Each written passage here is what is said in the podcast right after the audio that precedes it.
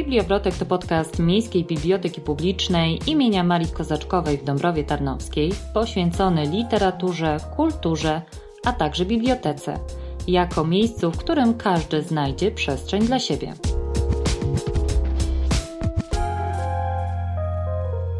Witam w pierwszym odcinku podcastu pod tytułem Bibliowrotek.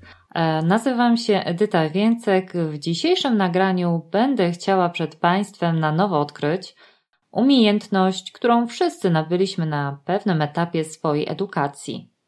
A stała się ona dla nas e, tak naturalna jak oddychanie. Co konkretnie mam na myśli? Czytanie. E, według definicji to nic innego jak przebieganie wzrokiem po napisanych lub wydrukowanych literach i formowanie w umyśle lub na głos odpowiadających im dźwięków językowych. Zdecydowanie pod tym terminem kryje się dużo więcej. Ile w ogóle czytamy? Od 1992 roku Biblioteka Narodowa prowadzi systematyczne badanie czytelnictwa na ogólnopolskiej reprezentatywnej próbie osób w wieku 15 i więcej lat. Z najnowszego badania wynika, że w 2019 roku odnotowano trwałe zatrzymanie spadku czytelnictwa w Polsce. Zauważono także lekki wzrost deklaracji czytelniczych. Na pewno jest to dobra informacja, trudno jednak określić, na ile treść zadanego pytania wpłynęła na ten wynik. Respondenci odpowiadali na pytanie, czy w ciągu ostatnich 12 miesięcy czytał, czytała pan pani w całości lub fragmencie albo przeglądał, przeglądała jakieś książki. E, z racji uprawianego zawodu mój wynik byłby zdecydowanie zawyżony. E, dlatego, że przeglądam dużo książek, co nie znaczy, że ja je czytam. Z raportu wynika, że 39% Polaków przyznało, że w ubiegłym roku przeczytało przynajmniej jedną książkę. Jako bibliotekarka, osoba na co dzień związana ze słowem pisanym, uważam, że jest to mało. Y, cieszy mnie, że ta tendencja do nieczytania się zatrzymała i że widoczny jest minimalny wzrost. Y, żywię taką skromną nadzieję, że większość respondentów bardziej czyta niż przegląda te książki. Z badania możemy się także dowiedzieć, że coraz częściej osoby aktywne czytelniczo sięgają po inne niż tradycyjna forma książki. Mamy jeszcze do wyboru e-booki y, i audiobooki, które w ostatnim czasie cieszą się dużą popularnością. Jednak są one uzupełnieniem do zdecydowanie wybieranej częściej książki wydanej tradycyjnie. A jak wypadamy na tle innych krajów europejskich? Niestety nie ma się czym chwalić. E, plasujemy się poniżej średniej. E, liderem wśród czytających są mieszkańcy Luksemburga i krajów skandynawskich. E, paradoksalne jest to, że przeświadczenie o wartości czytania i jego pozytywnych właściwościach jest powszechnie znane. Tak jak niestety powszechne jest nieczytanie, Myślę, że większość ludzi ma świadomość, że lektura wzbogaca słownictwo, stymuluje mózg, poprawia pamięć, redukuje stres, poszerza wiedzę i światopogląd. Mogłabym jeszcze wymienić cały szereg powodów, dla których warto czytać. Dlaczego więc w Polsce mamy taki niski poziom czytelnictwa? Być może należy go dopatrywać w uwarunkowaniach historyczno-społecznych, jeszcze w okresie dwudziestolecia międzywojennego borykaliśmy się z bardzo dużym analfabetyzmem.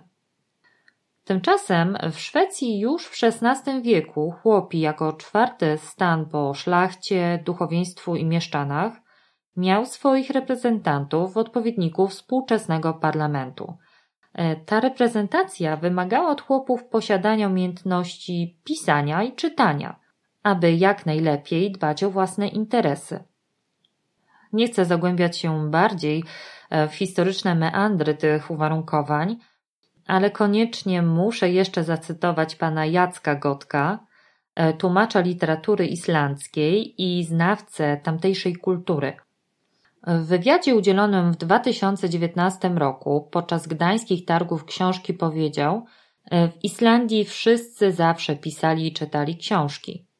To się wywodzi z pewnego rodzaju tradycji czuwań wieczornych, podczas których ktoś albo czytał, albo opowiadał jakieś historie. Z kolei w Finlandii zachwycający jest nowoczesny i przyjazny system biblioteczny. Gmach Biblioteki Odi w sercu Helsinek to nie tylko biblioteka, ale pomnik wartości, które dla Finów są ważne. Oświata, kultura i otwartość. Zresztą w tym kraju czytanie książek uważa się za najbardziej popularny sposób spędzania wolnego czasu. Możemy pozazdrościć krajom nordyckim tak świetnej koniunktury, która pozwoliła na rozwinięcie się w pełnej krasie kultury czytelniczej. E, nie będę także oryginalna, gdy stwierdzę, że przysłowie czym skorupka za młodu nasiąknie sprawdza się idealnie w wyrabianiu nawyków czytelniczych. Bardzo rzadko po książki sięgają osoby, które wyrosły w domu, gdzie się nie czytało.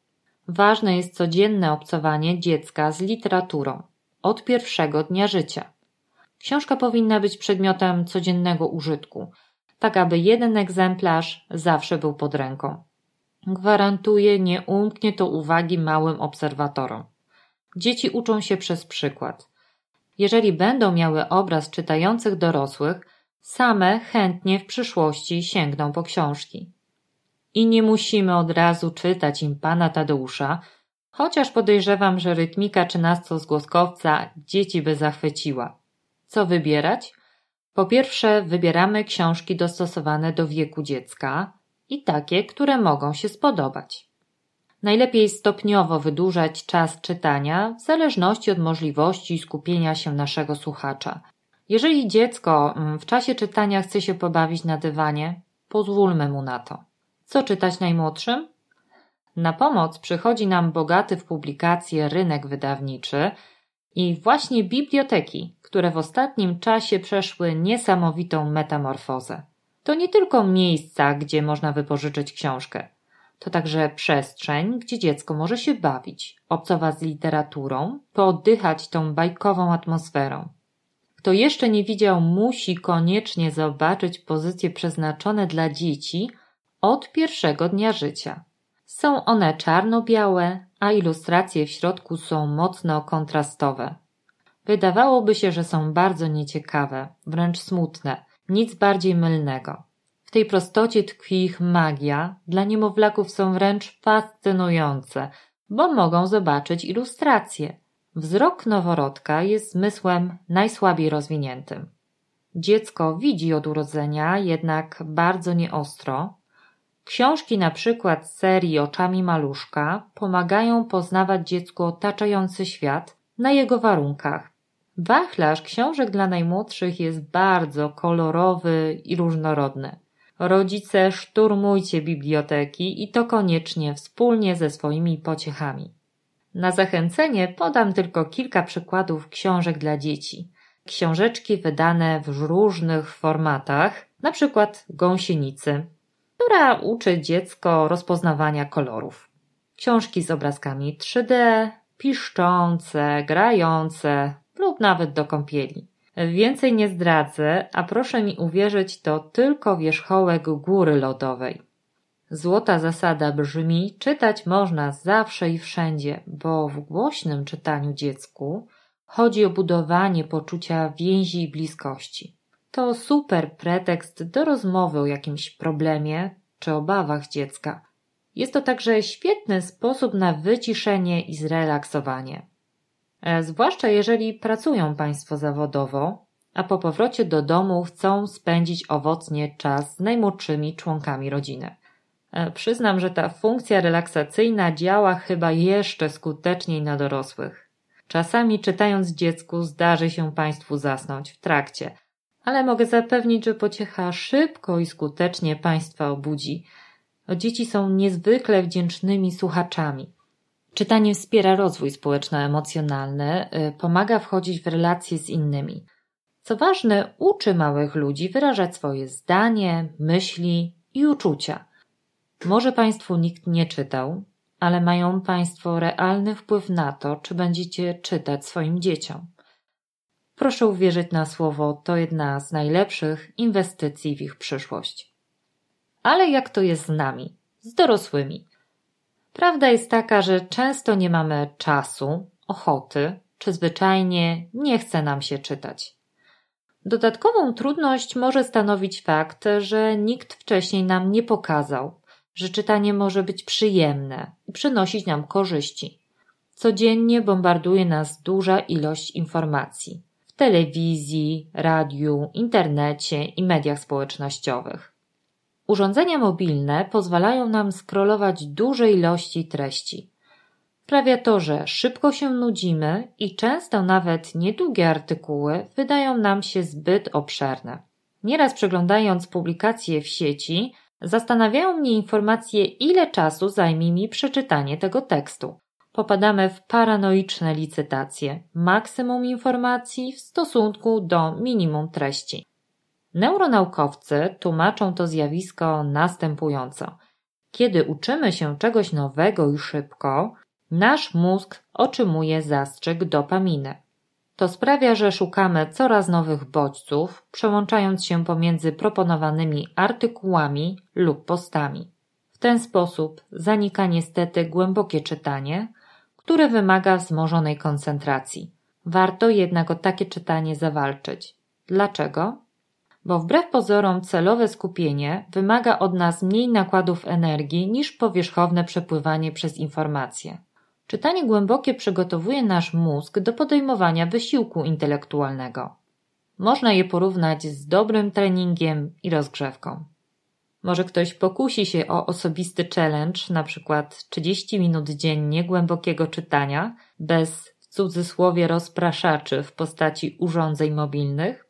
Zachęcam do podjęcia tego wyzwania. Czytanie wpływa korzystnie na sferę emocji. Sprawia, że stajemy się pełni empatii i współczucia. Łatwiej nam zrozumieć decyzje innych i ich punkt widzenia. Czytając beletrystykę, budujemy sobie zastępcze doświadczenia, wczuwając się w sytuację bohatera, możemy przetestować, jak zachowalibyśmy się w danym momencie. Ubieramy jego buty i przechodzimy z nim różne perypetie życiowe. Poznane historie pomagają nam tworzyć własne cele w życiu i dążyć do ich osiągnięcia. Odpowiednio dobrane teksty mają działanie terapeutyczne, kojące.